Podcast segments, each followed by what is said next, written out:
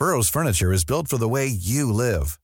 From ensuring easy assembly and disassembly to honoring highly requested new colors for their award-winning seating, they always have their customers in mind. Their modular seating is made out of durable materials to last and grow with you. And with Burrow, you always get fast, free shipping.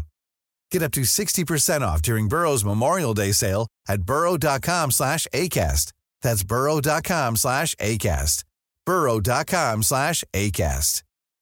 Millions of people have lost weight with personalized plans from Noom, like Evan, who can't stand salads and still lost 50 pounds. Salads, generally, for most people, are the easy button, right? For me, that wasn't an option. I never really was a salad guy. That's just not who I am. But Noom worked for me. Get your personalized plan today at Noom.com. Real Noom user compensated to provide their story. In four weeks, the typical Noom user can expect to lose one to two pounds per week. Individual results may vary. It's that time of the year. Your vacation is coming up. You can already hear the beach waves, feel the warm breeze, relax, and think about work. You really, really want it all to work out while you're away. Monday.com gives you and the team that peace of mind. When all work is on one platform and everyone's in sync, things just flow wherever you are. Tap the banner to go to Monday.com.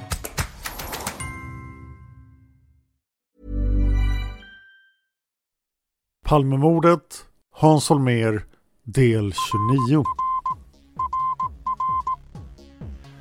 Sveriges statsminister Olof Palme är död. 90 000. Ja, det är mord på Sveavägen. Hörde de säger att det är Palme som är skjuten. Mordvapnet med säkerhet är en Smith Wesson, en revolver kaliber .357. Inte ett svar. Finns inte ett svar. För jag har Polisen söker en man i 35 till 40-årsåldern med mörkt hår och lång mörk rock. Välkommen till podden Palmemordet som idag görs av mig, Dan Hörning.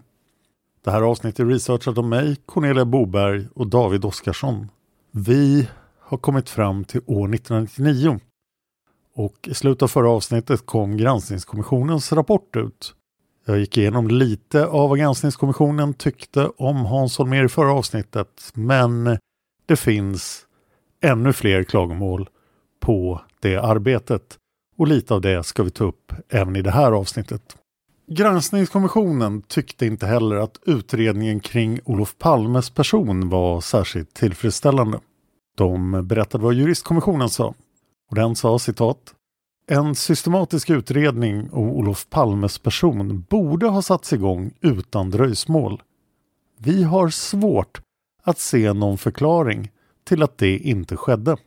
Juristkommissionen ifrågasatte om kartläggningen och omständigheterna kring själva brottet i alla delar präglades av den snabbhet, grundlighet och noggrannhet som situationen krävde. Enligt kommissionen hade en mer fullständig utredning kunnat ske snabbare i vissa avsnitt. Som exempel nämndes förhållandena vid biografen Grand. Alla som hade besökt biografen samtidigt med makarna Palme eftersöktes inte.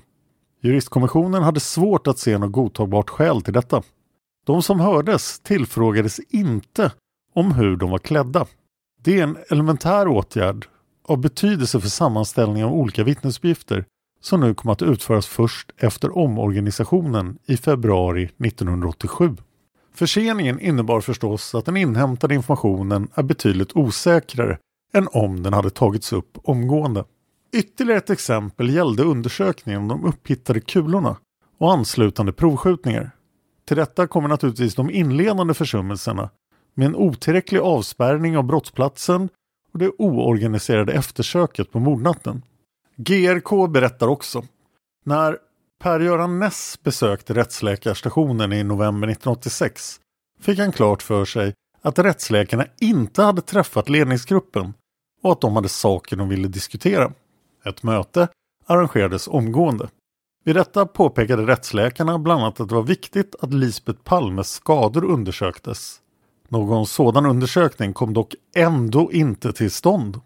Juristkommissionen påpekade Utredningen kring Olof Palmes person, som enligt juristkommissionen kom igång för sent, synes till en början ha utförts av Hans Holmér personligen. Han tog den 2 och 3 mars kontakter med Lisbeth Palme, statsministerns sekreterare och annan personal i statsrådsberedningen, regeringsmedlemmar samt med ledningen för det socialdemokratiska partiet. Någon dokumentation av vad som förekom vid dessa kontakter finns inte. Enligt Hans Holmér var syftet med kontakterna att skapa underlag för och samråd om utredningen rörande Olof Palmes personliga förhållanden. När utredningen om Olof Palmes person så småningom kom igång i mer ordnad form leddes den av polisöverintendenten Tommy Lindström. Vissa delar av utredningsmaterialet framställdes bara i två exemplar. Ett till Tommy Lindström och ett till Hans Holmér. Det registrerades inte. Juristkommissionen skriver Åklagarna fick inte del av allt material rörande den avlidne förrän efter lång tid. Granskningskommissionen är också väldigt skeptiska till fantombilden. På sid 256 i den tunga rapporten kan man läsa Publiceringen av de två fantombilderna ledde till att en mycket stor mängd tips strömmade in till palmutredningen. I anledningen härav lades ett särskilt avsnitt i utredningsmaterialet med rubriken Tips i samband med fantombilder upp. Under detta avsnitt registrerades de tips som huvudsakligen byggde på påstådd likhet mellan någon person och männen på bilderna. Avsnittet består idag, alltså 1999, av omkring 1550 uppslag varav så gott som samtliga inkom i anslutning till publiceringen. Eftersom många uppslag innehåller flera tips om samma person är antalet tips registrerade i avsnittet betydligt större än antalet uppslag. Härtill kommer att en stor mängd tips rörande likhet med fantombilderna sorterades in under andra avsnitt. Det gäller tips som bara delvis rör fantombilderna, det vill säga sådana som innehåller även annan information och intresse. Till exempel att mannen i fråga har viss typ av vapen, att han är av en viss nationalitet etc. Det gäller också tips som har varit omöjliga att utredningsmässigt följa upp. Till exempel då uppgiftslämnarna iakttagit en person som han tyckt vara lik någon av fantombilderna men som han i övrigt inte kunnat lämna några uppgifter om såsom namn eller bostad. Det är således idag inte möjligt att säga hur många tips i utredningen som föranletts av beslutet att publicera de två fantombilderna. Det kan emellertid konstateras att det åtminstone rör sig om flera tusen tips.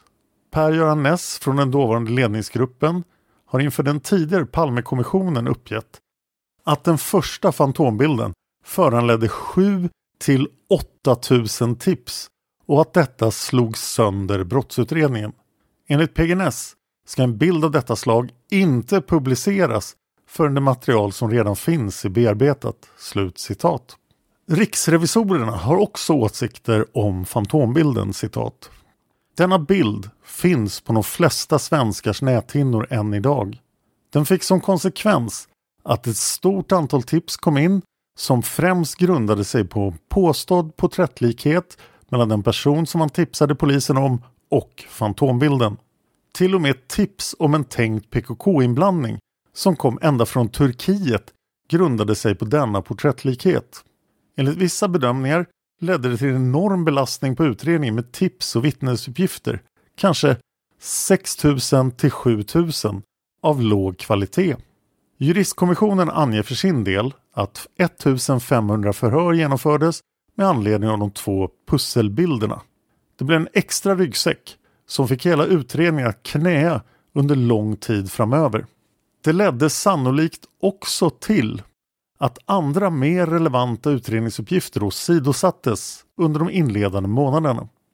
Många av de tips som influtit om misstänkta polismän har också grundat sig på porträttlikhet. Bortsett från dess störande moment i detta avseende påverkar det såväl vittnens minnesbilder som att uppgifter från andra vittnen kanske aldrig lämnades in eftersom de iakttagelserna de hade gjort inte stämde överens med fantombildens utseende på gärningsmannen. Granskningskommissionen är djupt kritisk till utredningen runt Olof Palmes person och personliga förhållanden. Att Hans Holmér sedan tillsammans med Tommy Lindström tycks ha bedrivit en egen utredning som inte delgavs någon annan och som inte heller finns dokumenterad är däremot oförsvarligt. Det är svårt att värdera de kunskapsförluster som underlåtenheten att dokumentera här har lett till. I den mån Hans Holmér och Tommy Lindström fick fram värdefull information har den i alla händelser gått förlorad för mordutredningen. Slut citat Riksrevisorerna. Och så har vi då Sverker Åström. Behovet av utrikespolitisk sakkunskap löstes ju av Hans Holmér genom att vända sig till den pensionerade diplomaten Sverker Åström och träffade en personlig överenskommelse med denne. Resultatet blev att Åström skrev några promemorior. Åström fick också viss hjälp från utrikesdepartementet som utsåg en tjänsteman att vara departementets representant i brottsutredningen. Granskningskommissionen konstaterar att Hans Holmér inte samarbetade särskilt väl med UD. Men oj vad han samarbetade med Sverker Åström. Granskningskommissionen har åsikter om det här på sid 263 i sin rapport. Citat. Även beträffande Sverker Åströms medverkan, sådan den numera framträder, finns paralleller. Den hade en utpräglad informell karaktär, något som är kännetecknande för mordutredningen under den första tiden. Inblandade parter har varit noga med att framställa Sverker Åströms roll som privatpersonens och uppdraget som personligt. Ingendera är korrekt. Åström har samtidigt som han framhållit uppdragets personliga karaktär understrukit att det självfallet utfördes i nära samråd med UD. Detta tog det knappast varit enbart för UDs skull. Som privatperson, utan tillgång till UDs resurser och det tidigare ämbetets klädnad, skulle Åström ha varit av mindre värde för utredningen. I den mån syftet med arrangemanget var att åstadkomma en mer effektiv och ändamålsenlig hantering beträffande utredningsbehov av utrikespolitisk sakkunskap, kanaler till UD etc. kan man fråga sig om detta lyckades. Svaret synes vara nej. Åström var varken i tjänst eller privat. Resultatet av hans medverkan blev också ett varken eller. Han bestod utredningen med analyser, men dessa var också enligt hans egen bedömning ytliga. Han gjorde insatser, som att ta utrikeskontakter, prata med tidigare kollegor etc. Men de blev begränsade och sakligt sett halvhjärtade. Detta är i så fall inte en nödvändig konsekvens av den formlösa konstruktionen och uppdraget. Men det ligger uppenbart i farans riktning att den som tar på sig en uppgift under betingelser som dessa utför den med lättare hand och svagare kraft än om det sker i tjänst och under ansvar. De omständigheter under vilka Sverker Åström verkade företer i själva verket vissa likheter med det sätt på vilket Ebbe Carlsson engagerades. Bägge fick uppdrag som privatpersoner. Bägge tilläts företräda statsmakten. Inget av uppdragen formaliserades i beslut eller var resultat av en beslutsgång som innefattade befogenhet att ge uppdrag av detta slag. Bägge gick som barn i huset i regeringskansliet. Bägge anförtroddes hemliga handlingar. Ingen av dem avlönades ekonomiskt. Det finns naturligtvis också stora skillnader. Sverker Åström utförde sitt arbete öppet i förhållande till såväl allmänheten som berörda myndigheter. Han ägde en obestridlig expertkunskap som utan vidare motiverade uppdraget som sådant. Ebbe Carlssons verksamhet utvecklades till ett direkt brottsligt företag, vilket självfallet inte gällde Sverker Åström. Den likhet som är värd att notera gäller den informella hanteringen, det obesvärde förhållandet till det regelverk som omgärdar statlig verksamhet samt sammanblandningen av privat och offentligt. Självfallet kan detta också ses som ett sätt att i ett extraordinärt ärende söka komma runt ett formellt regelverk för att åstadkomma en mer effektiv och ändamålsenlig hantering än vad som upplevdes genomförbart om saken skulle ha hanterats tjänstevägen. Det gör dock inte det hela mindre problematiskt, förutom att det således knappast är effektivt. I synnerhet som tillvägagångssättet i fallet Åström inte är ett undantag som bekräftar regeln, utan snarare framstår som en del i ett mönster. Dessutom kvarstår möjligheten att arrangemanget väl så mycket tillkom för att Hans Holmér även i detta hänseende vill ha en bättre kontroll över utredningen och de delar av statsmakten där han engagerade än vad regelsystemet medgav. Slut citat. Juristkommissionen uttryckte också viss kritik mot åklagarna. Den allvarligaste kritiken från juristkommissionen mot åklagarna gällde dock den passivitet dessa visat under utredningen. Detta tema återkommer på många ställen i deras rapport. Kritiken avsåg såväl det inledande skedet där man från åklagarsidan enligt JRK borde ha övervägt organisations resurs och informationsfrågorna på ett mer aktivt sätt som tiden sedan Claes Seime tagit över. Juristkommissionen hade angående This Mother's Day, celebrate the extraordinary women in your life with a heartfelt gift from Blue Nile. Whether it's for your mom, a mother figure, or yourself as a mom, find that perfect piece to express your love and appreciation. Explore Blue Nile's exquisite pearls and mesmerizing gemstones that she's sure to love. Enjoy fast shipping options like guaranteed free shipping and returns. Make this Mother's Day unforgettable with a piece from Blue Nile. Right now, get up to 50% off at BlueNile.com. That's BlueNile.com. How would you like to look five years younger? In a clinical study, people that had volume added with Juvederm Voluma XC in the cheeks perceived themselves as looking five years younger at six months after treatment. Look younger, feel like you. Add volume for lift and contour in the cheeks with Juvederm Voluma XC. Reverse signs of aging by adding volume to smooth laugh lines with Juvederm Volure XC. For important safety information and to find a licensed specialist, visit juvederm.com. That's J U V E D E R M.com. Not for people with severe allergic reactions, allergies to lidocaine, or the proteins used in Juvederm. Common side effects include injection site redness, swelling, pain, tenderness, firmness, lumps, bumps, bruising, discoloration, or itching. There's a risk of unintentional injection into a blood vessel, which can cause vision abnormalities, blindness, stroke, temporary scabs, or scarring. Talk to a licensed specialist to find out if it's right for you. Normally, being a little extra can be a bit much, but when it comes to healthcare, it pays to be extra.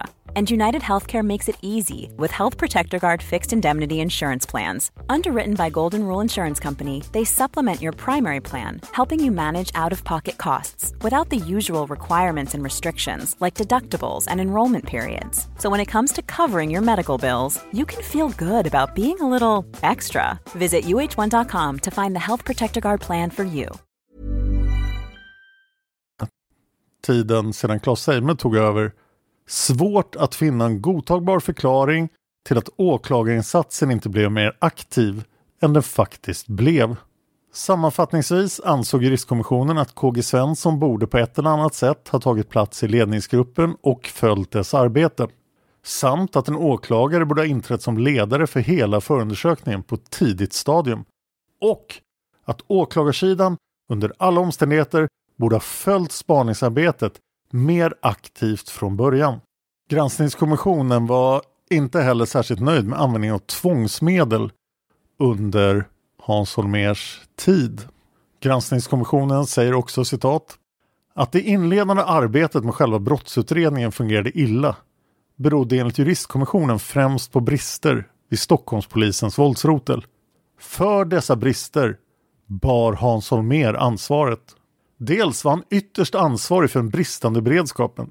Dels medförde hans beslut att själv vara spaningschef att arbetet vid våldsroten inte fungerade som det skulle ha gjort om den funktionen hade legat på ordinarie nivå. Juristkommissionen gjorde med detta resonemang också Hans Holmér ansvarig för hur konfrontationerna i Viktor Gunnarsson-delen utfördes. Kommissionen anser också att Rikspolisstyrelsen borde ha övertagit ansvaret för utredningen och då bär dåvarande rikspolischefen ansvaret för att det inte skedde. Denne sade sig själv anse att Rikspolisstyrelsen borde ha tagit över men han tog inte själv något initiativ i den riktningen. Den fortsatta brottsutredningen drabbades av ett antal delvisa sammanbrott och sedan en slutlig kollaps i januari 1987. Skulden för detta hade juristkommissionen fördelat på följande sätt. Polisens ledningsgrupp vägrade acceptera den roll och ansvarsfördelning som lagen stadgar. Detta förhållningssätt ledde till konflikter och var en orsak till det slutliga sammanbrottet. Polisens ansvar måste i hög grad bäras av Hans Holmér personligen. Han agerade enväldigt, självsvåldigt och satte sig på oförsvarbara grunder över lagens regler. Granskningskommissionen säger citat vi vill för vår del tillägga att Hans Holmér trots allt inte var helt ensam i ledningsgruppen. I någon mån måste denna mycket tungt vägande skuldbörda bäras även av de andra befattningshavarna som själva ledde stora organisationer inom polisen och därmed hade egna ansvarsområden. I skuggan av det intresse Hans Holmers agerande har tilldragit sig har detta ansvar dock förblivit konturlöst. Det påverkar emellertid inte bedömningen av Hans Holmers gärning. Domen över honom kom alltså att bli hård. Parlamentariska kommissionen ansåg att han som länspolismästare hade missbrukat den ställning och det förtroende som följer med den befattningen. Juristkommissionen, vars sakliga kritik gentemot Hans Holmers agerande och förhållningssätt framgått i utförliga citat ovan, ansåg i ett försonligt ögonblick att det inte kunde bestridas att Hans Holmér hade utövat ledningen på ett viljestarkt och dominerande sätt. Men att steget ändå var ganska långt till att påstå att ledningen hade utövats så att brottsutredningen hade blivit lidande på det. Den som inte har facit i sin hand sedan brottet klarats upp kan inte heller ge något alldeles säkert svar på denna fråga. Men eftersom facit numera synes ge vid handen att brottet i vart fall inte kommer att klaras upp på det sätt som arbetet under Hans Holmér förutsatte eller främjade finns det i dagsläget utrymme för konstaterande att brottsutredningen faktiskt skadades. Slut citat. Det är flera personer som får sig en känga i de här kapitlen av granskningskommissionens rapport. Men de här avsnitten handlar om Hans Holmér. Det sista jag har rapporterat från 1999 är att Hans Holmers bok Birka kom ut just det året. Det blev ett nytt millennium. År 2000 kom Hans Holmérs bok Åttan ut. Den 26 juni år 2000 hittas Stig Engström död i sin säng i Täby efter att en låsmed har öppnat. Stig Engström bär hörlurar över öronen och intill honom ser polisen en tom whiskyflaska och tomma kartor för värktabletter. Hans Holmér hade alltid betraktat Stig Engström som en elefant i en porslinsbutik och jag kan med ganska stor säkerhet anta att Hans inte tänkte särskilt mycket på Stig år 2000. Någon gång under det här året befinner sig Hans Wranghult på Bromma flygplats i Stockholm. Där får hans syn på Hans Holmér ihopsjunken i en liten vrå. Nästan lite skyggande. Wranghult upplever Hans Holmér som sorgsen, vilket Holmér samtidigt bekräftar. Holmér förstod inte riktigt själv vad som försiggick här, men det var någonting med hjärtat som krånglade. Holmér sa också till Wranghult citat Nu är det ombytta roller. Nu är det jag som får titta på dig på TV. Slut citat. Det här var ett referat till att Wranghult hade arbetat sig upp till eh, länspolismästare i Malmö. Det här tillfället blev den sista gången Hans Holmér och Hans Wranghult träffade varandra. Ann-Marie Åsheden berättar i P3 Dokumentär att hon och hennes man var ute på ett äventyr till Danmark. När hon kom på idén att slå Hans Holmér en signal och föreslå en träff. Det här är alltså fortfarande 2000. Då har det gått flera år sedan de träffades sist. Holmer blir glad över samtalet och välkomnar Ann-Marie med man till sin hästgård. Besöket blir trevligt och Holmer är på bra humör. I sin entusiasm berättar Hans Holmer om en bok som han finslipar. Den här boken är tänkt att bli en uppföljare till Olof Palme skjuten. Men den har ännu inte publicerats. Efter besöket står Holmér på sin hästgård och vinkar av Ann-Marie Åseden, hennes make, som åker därifrån. Det är sista gången Ann-Marie Åseden träffar Hans Holmér.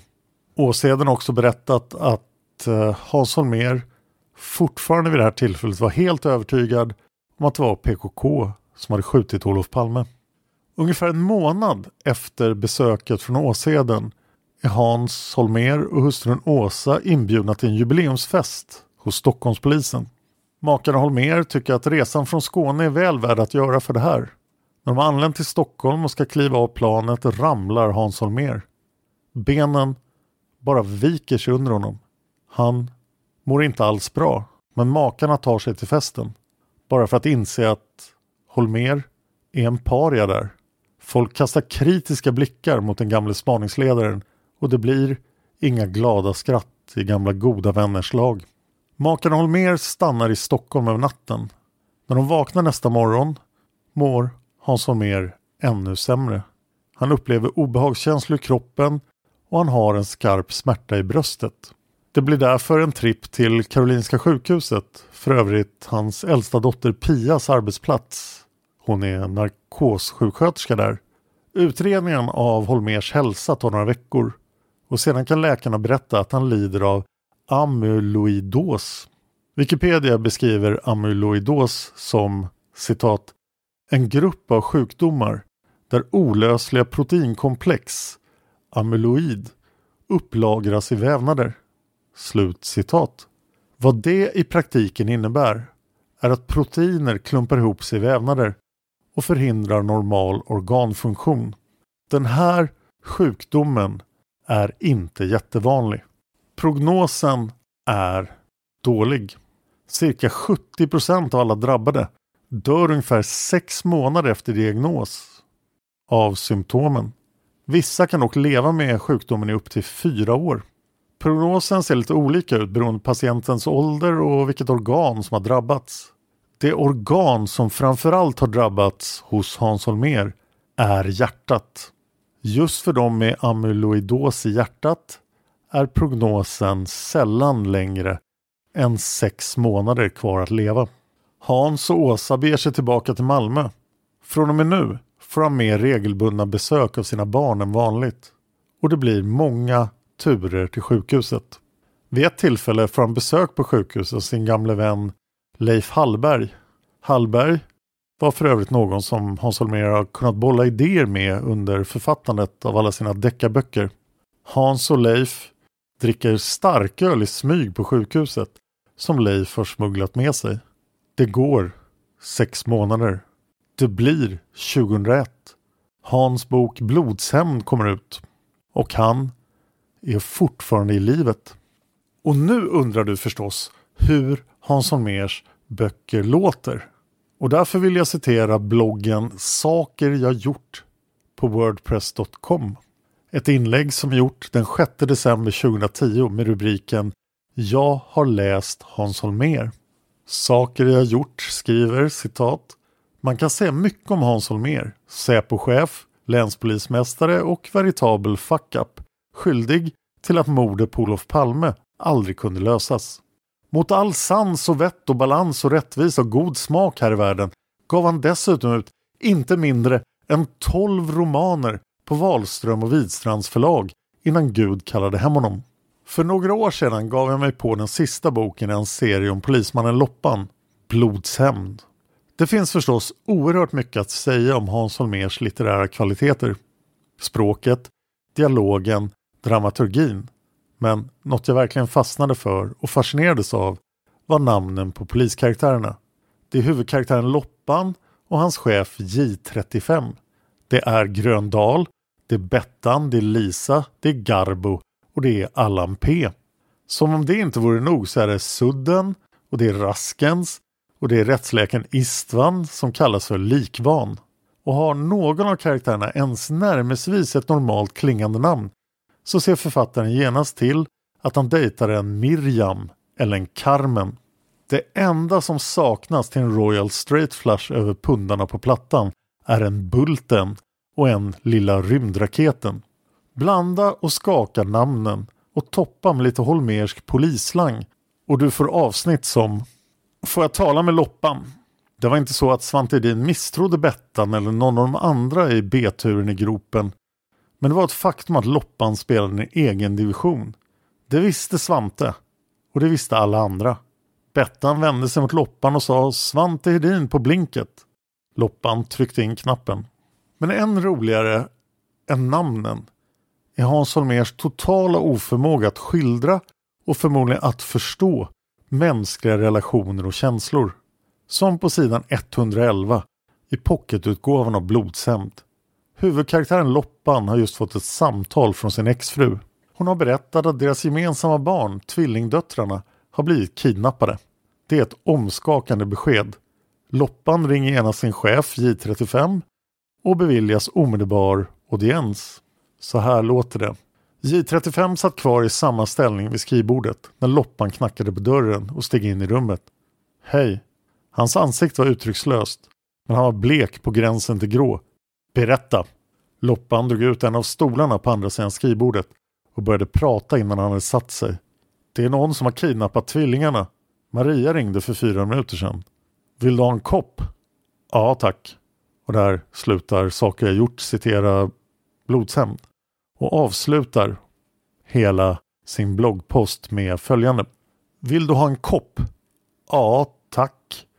Det är fan ingen slump att Olof Palmes mördare går fri. Slut citat, saker jag gjort. Trots sin diagnos så överlever Hans Holmér hela 2001. Och ytterligare en bok kommer ut 2002, Mardröm i midsommartid. Men under 2002 blir Hans Holmér stadigt sämre. När han fick diagnosen verkar det osannolikt att han skulle leva i sex månader. Men han levde i två år.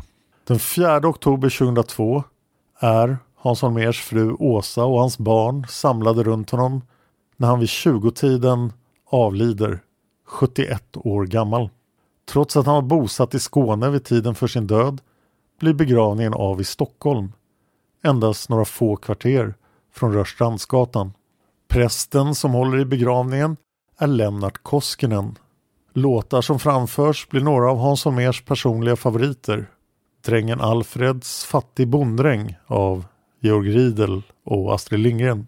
Höstvisa av Tove Jansson och balladen om briggen Bluebird av Hull skriven av Evert Taube. Hans Holmers två stora syskon Gustav och Ebba närvarar inte på hans begravning. Några dagar tidigare, söndagen den 6 oktober, två dagar efter hans död, publicerar Aftonbladet en nekrolog för den hädangångne spaningsledaren. Det finns många detaljer i artikeln som sammantaget ger oss en bild av Hans Holmers publika image. Rubriken är Polis, författare och charmör och i ingressen kan man läsa följande citat. Med fårat ansikte och en magnumrevolver av fabrikatet Smith Wesson dinglande på vardera pekfingret satt han i tv-rutan. Kvinnorna dånade och kurderna rasade. Slut citat. Artikeln klargör också att Hans Holmér några år innan sin bortgång genomgick en bypassoperation och hans förläggare Unn Palm menar att han utöver hjärtproblemen led av en immunbristsjukdom. Amyloidos kan beskrivas som en immunbristsjukdom. Men den sviktande hälsan till trots var Hans Holmér aktiv in i det sista. Han har arbetat med två stycken böcker parallellt när han dog. Den ena var ytterligare en deckarroman om Arvid Loppan Ros men även en uppföljare till debuten från 1988, som sagt, alltså Olof Palme är skjuten. I den andra Palmemordsboken, som alltså aldrig fick se dagens ljus, var det tänkt att Hans Holmér skulle behandla de ouppklarade spår och trådar som han hade en helt annan uppfattning om. Aftonbladet-artikeln klargör inte om det var spår och trådar som var aktuella under hans tid som spaningsledare eller sånt som kom efteråt, som till exempel Christer Pettersson. Men det senare är troligt eftersom han avhandlar det mesta han själv var med om i sin första bok. En annan person som har hjälpt mig med de här avsnitten är Johan Tengroth som har arbetat på ett annat Hans projekt.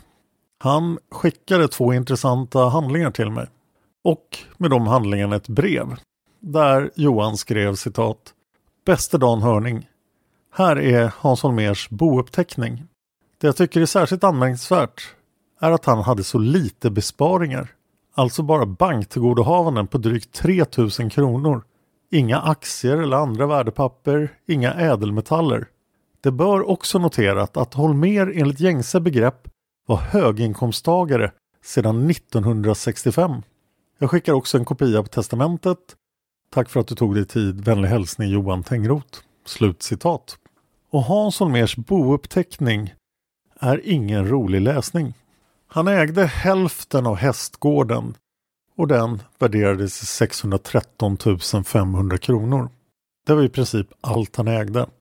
Hälften av lösöret i sju rum och kök värderades till 7 500 kronor. En äldre personbil, Saab, värderades till 7000 kronor. Han hade väldigt lite kontanter, precis som Johan påpekade. Men han hade nästan 1,9 miljoner i skulder. Han var så djupt skuldsatt när han dog. Det väcker ju verkligen frågan vart tog Hans Holmers pengar vägen? Det finns många teorier om Hans Holmers förehavanden under sin tid som spaningsledare.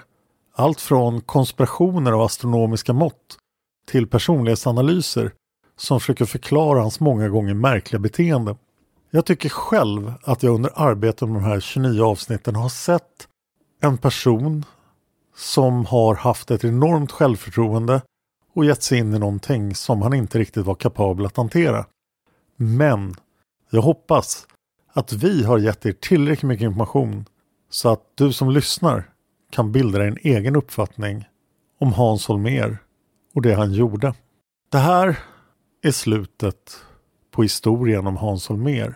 Men det finns några saker till jag vill säga. Det handlar huvudsakligen om olika konspirationsteorier. Och är du inte intresserad av dem kan du stänga av avsnittet här. De här bitarna lät jag David Oskarsson skriva helt själv. Jag har bara gått igenom dem och det har även Juan Esposito gjort. Men flera av de här sakerna som har kommit upp nu kommer att behandlas i egna avsnitt senare. Den första är Hans Holmers kopplingar till Stay Behind. David säger Finns det en möjlighet att Hans Holmer, Palmeutredningens första spaningsledare, hade anknytning till det paramilitära nätverket Stay Behind? Och närmare bestämt den svenska Stay Behind-falangen aktionsgruppen Ala Gryning, ofta förkortad AGAG. Vi kommer nu presentera det vi vet och så får ni som lyssnar dra era egna slutsatser om vad som är rimligt eller inte. Hans Holmér och Ebbe Karlssons samrör med polisman A är någonting som vi har redogjort för i våra avsnitt om Holmér. Vad vi dock inte har nämnt här, men i andra avsnitt, är att polisman A var med i en skytteklubb i namn Stockholms försvarsskytteförening och att det även sägs att denna skytteklubb ska ha haft kopplingar till nämnda AGAG som dessutom andra källor menar att polisman A ledde i Sverige. David anmärker också inga källor som jag stött på så här långt säger ett ord om hur man vet att polisman A skulle ha lett Stay Behind-gruppen AGAG. Det verkar bara vara något som alla tar för givet. Är ni för övrigt intresserade av att höra mer om skytteföreningen så gjorde vi ju två avsnitt om det, nämligen 51 och 52 med hjälp av Erik Engström. Polisman A har även sin egen avsnittsserie avsnitten 74 till 81, åtta stycken avsnitt och det kommer fler avsnitt om Polisman A nu när det har kommit ut flera handlingar. Vi vet att Stay Behind-rörelsens existens är obestridlig.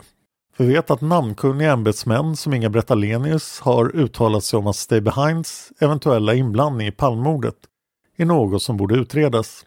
Men att en falang av den svenska Stay Behind-rörelsen kallad Ala Gryning har existerat finns det inga konkreta bevis för. Inte heller att denna skulle ha letts av polisman A. Att konkreta bevis för en rörelse av detta slags existens inte finns tillgängliga kan ju dock sägas höra till saken när det rör sig om en organisation som ska vara hemlig. Det hör möjligtvis också till saken att eventuell bevisning för sådans grupps existens är extremt känsligt material som det kan finnas goda skäl till att hemlighålla. Den svenska Stay Behind-rörelsen grundades efter andra världskrigets slut på initiativ av vår dåvarande statsminister Tage Erlander. Rörelsens syfte var att bedriva hemlig underrättelsetjänst som en förberedelse för en eventuell sovjetisk ockupation. Stay Behind-rörelsen har funnits eller finns i flera andra länder och många av dem är understödda av amerikanska CIA. Svenska Stay Behind-rörelsens existens kom till allmän kännedom först år 1990 då man kan säga att kalla krigets tid var över. Ledaren för den svenska Stay Behind var juristen Alvar Lindenkrona, född 1910, död 1981. Om Stay Behind hade haft något att göra med mordet på Olof Palme skulle det alltså varit så att man var rädd för att Palme skulle ingå en överenskommelse med Sovjetunionen. Vi har tidigare nämnt Palmes planerade besök i Sovjet för ett samtal med Mikhail Gorbatjov. Detta var ju även någonting som Hans Holmér själv funderade på bland alla sina andra uppslag. Men har Hans Holmér en koppling till Stay Behind? Ja, det beror på vem man frågar. Den amerikanske filmregissören och journalisten Allan Frankovic tillskrivs följande citat i den svenska journalisten och författaren Anders Jalais blogg. Citat. Det kan konstateras att Hans Holmér tillhörde en parallellorganisation till NATO Stay Behind bestående av poliser, underrättsfolk och militärer. Slut citat. Jalais källa som han uppger är Palmenytt från 1997 0141. Finns på runeberg.org. Det verkar inte alls röra sig om ett direkt citat från Frankovic utan något som Sven Anér själv skriver utifrån vad han vet om Frankovics teorier. Hur Frankovic skulle ha kommit fram till det framgår inte i Jalais blogginlägg. Anders Jalai, som är en källa till det mesta som rör Stay Behind, uttrycker en övertygelse om att parallellorganisationen som Frankovic talar om är just aktionsgrupp Arla Gryning. Jalai är även övertygad om Agags existens, men där via hans personliga källor som av begripliga skäl inte kan omnämnas. Och kanske kan inte heller en redogörelse för hur Hans Holmér är sammanlänkad med Stay Behind komma ut utan att källorna röjs. Men Hans Holmers eventuella inblandning i Stay Behind hänger alltså mycket på om man skulle kunna bevisa att polisman A var en del av den. Och om polisman A var det finns det fog för att även spekulera i Hans Holmers delaktighet. Detta inte minst på grund av polisman A's samröre med Hans Holmér och Ebbe Karlsson. Polisman A var en framgångsrik polis med uppenbara nazistiska sympatier som dyker upp i alla möjliga sammanhang kring Palmemordet. Han var den som sålde pansarglas och vapen till Holmer. Han var en av de delaktiga i Ebbe Karlssons hemliga PKK-utredning och som det sedermera gjordes en husrannsakan hos. Han hade ammunition av det slaget som användes vid Palmemordet i sitt hem. Han var en uttalad Palmehatare och han hade inget alibi för mordkvällen. Detta är alltså, kan man lätt säga, en synnerligen skum typ som Hans Holmér hade nära kontakt med. Det är mycket svårt att bortse från vilka absurda indicier det faktiskt rör sig om. Men som sagt, det finns inga bevis för att Hans Holmér var en del av en Stay Behind-konspiration. Men mest intressant är förstås de teorier som har en grund, som bygger på faktiska dokument och vittnesmål. David har sparat ett av de mest intressanta vittnesmål av detta slag nu till slutet.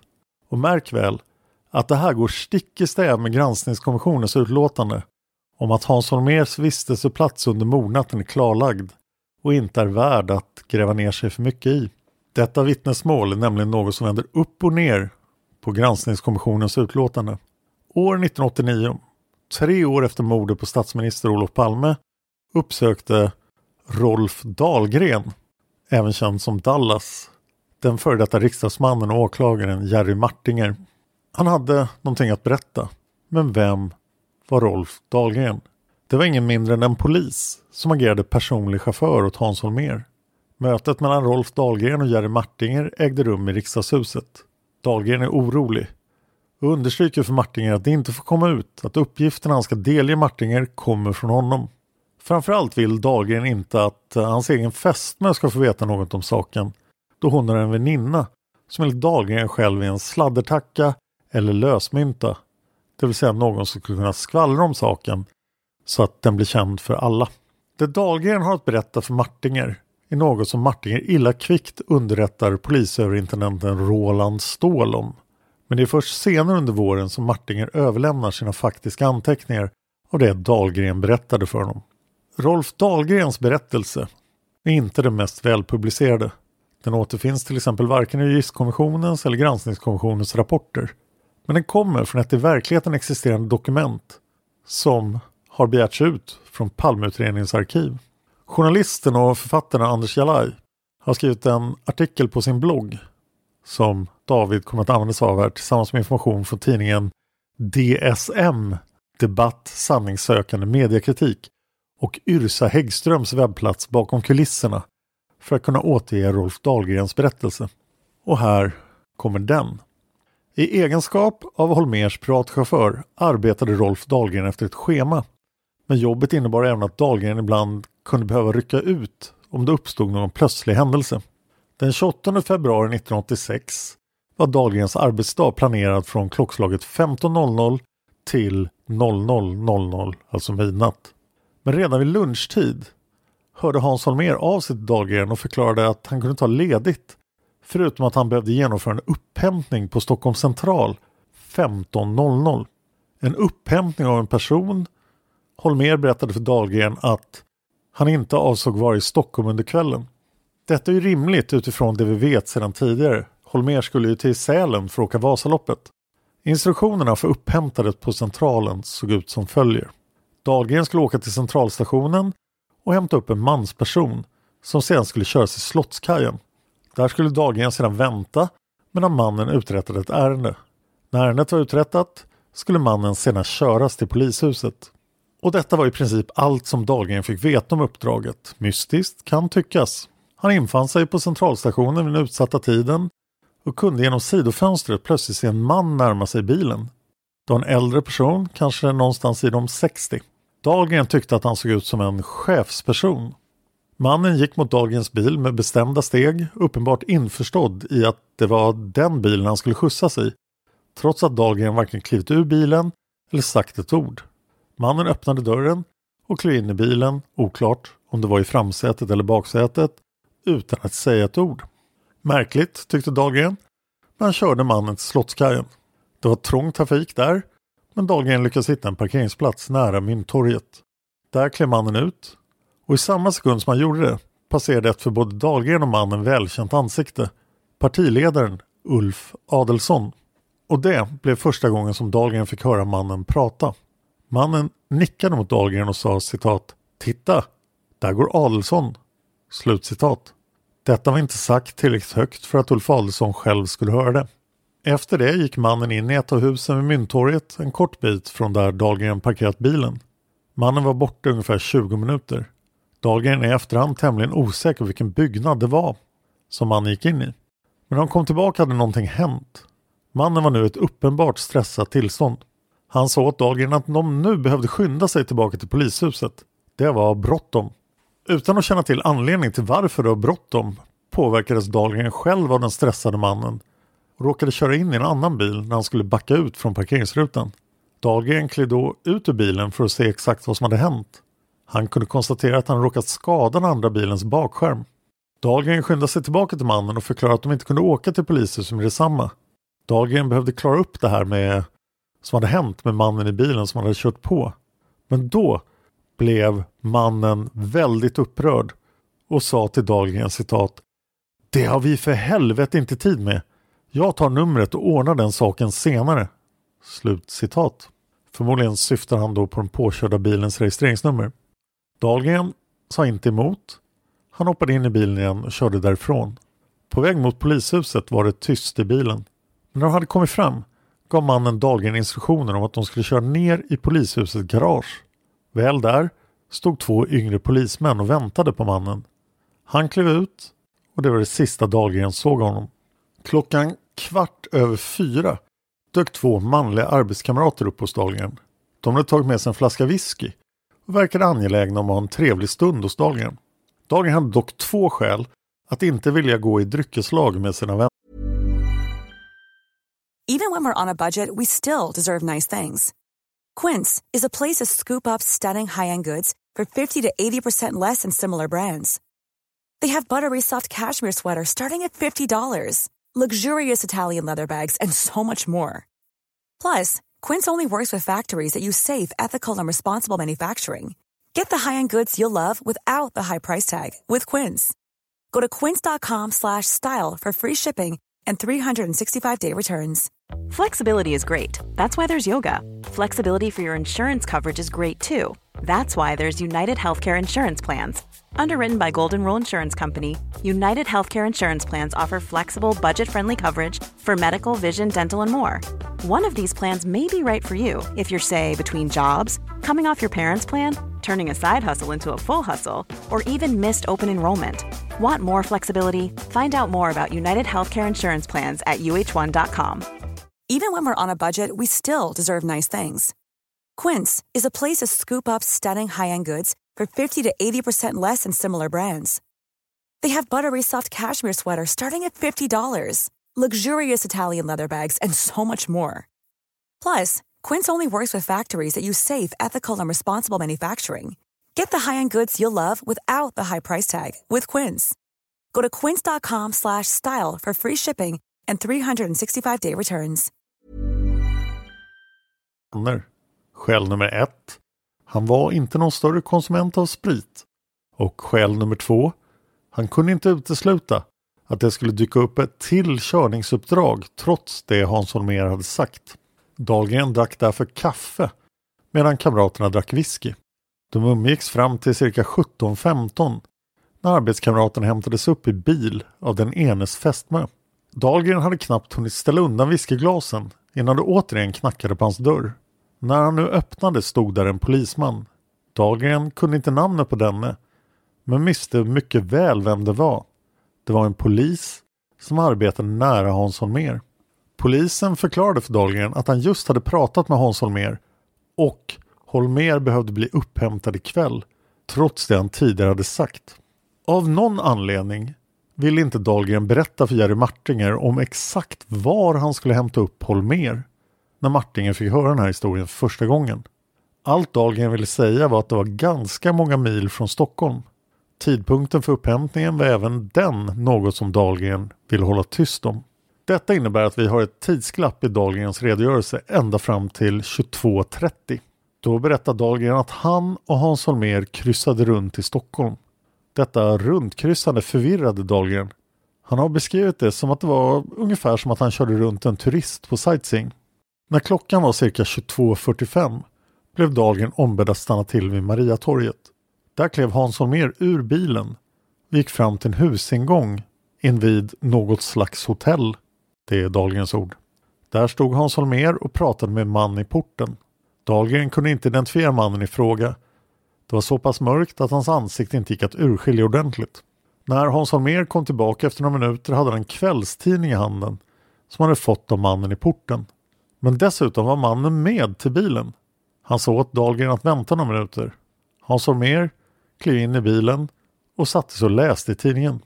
När Holmér hade läst klart körde han och Dahlgren iväg utan mannen från porten. De körde nu till Operan, bara några minuter innan klockan 23. Och Dahlgren skulle få anledning att höja på ögonbrynen här. För vem stod där och väntade? Om inte den man som han tidigare under dagen hade skjutsat till Mynttorget och sedan till polishuset. Dahlgren och Holmér plockade upp denne för att sedan återigen kryssa till synes planlöst i kvarteren vid Rådmansgatan. Dahlgren har sagt att det var som att mannen och Holmér letade efter något eller någon där. Efter detta skjutsades mannen till Odenplan där han blev avsläppt.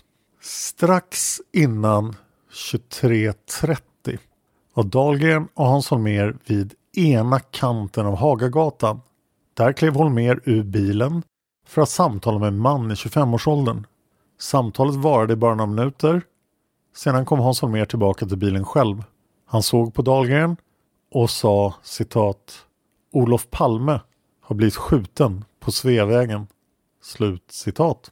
Dahlgren blev ombedd av Holmér att köra dit. Och mycket riktigt, det kryllade av folk på platsen och poliser. Dahlgren reagerade på att Holmér inte ville stanna till där i egenskap av länspolismästare och allt. Men Holmér sa bara åt Dahlgren att rulla sakta förbi. Även om det inte stämmer med redan nämnda tidsangivelser ska Dahlgren ha varit helt säker på att de passerade mordplatsen sju minuter efter mordet. När klockan var strax efter midnatt blev Dahlgren ombedd att stanna till vid Norr där skulle Holmér plocka upp en väntande kvinna i 50-årsåldern. När hon hade plockats upp körde de tre vidare till Sundbyberg där kvinnan lämnades av. När de sedan körde därifrån noterade Dahlgren att kvinnan hade glömt kvar en jacka i bilen. Aftonens sista destination blev Mälarhöjdens tunnelbanestation. Där skulle Hans Holmér slutligen av. Då var klockan strax innan halv ett på natten. När Holmér klev ur bilen tog han med sig kvinnans jacka. Innan de två skildes åt sa Holmér till Dahlgren att tystnadsplikten i fråga om denna dag och kväll var särdeles viktig. Det sista Dahlgren såg innan han körde från platsen var hur Hans Holmér klev in i mörkblå Volvo i vilket redan satt två andra personer. Och det i slutet på Dahlgrens berättelse. 1991 sändes ett avsnitt av tv-programmet Moderna Tider i TV3. Producenten av reportaget var Carl-Olof Larsson och programledaren var Göran Rosenberg. I avsnittet görs ett försök att intervjua Rolf Dahlgren men han vägrar släppa in journalisten i sin lägenhet. Istället blir en kort och hetsk dialog mellan de bägge och dialogen sker genom Dahlgrens brevinkast. Och den lyder som följer. Är det sant att du körde Hans Holmér på mordnatten i Stockholm? Ja. Kan du inte öppna dörren och berätta lite grann då? Nej. Varför vill du inte öppna dörren? Det är hemligt ju, fattar du inte det? Men det är sant att du körde honom? Ja. Har du fått påtryckningar om att du inte ska berätta det? Ja. Av vem då? Det berättar jag inte för dig. Men det är någon som har sagt till dig att du inte ska säga något. Min chef ja. Körde ni förbi mordplatsen? Vi var där, ja. Vid vilken tid? Fråga Holmer. I samma avsnitt om moderna tider får den senare spaningsledaren Hans Ölvebro lyssna på en inspelning av dialogen med Dahlgren. Ölvebro förklarar att han inte känner igen rösten men att han ändå förstår vem det är som talar. Han berättar vidare att han inte förstår vad Dahlgren är ute efter och att det som han säger inte är sant. Det är många privatspanare som får komma till tals i programmet. Något annat som behandlas är titeln på Hans Holmers bok Olof Palme är skjuten. Det påpekas att eh, titelns initialer skulle bli OPS, vilket blir Säpo baklänges. Det antyds starkt att detta är någon sorts kryptisk kommentar från Hans Holmérs sida. Och där slutar vi med de teorierna. De sista orden om Hans Holmér har antagligen ännu inte sagts. De sista spekulationerna har inte gjorts och flera teorier och nya uppgifter ligger antagligen i framtiden.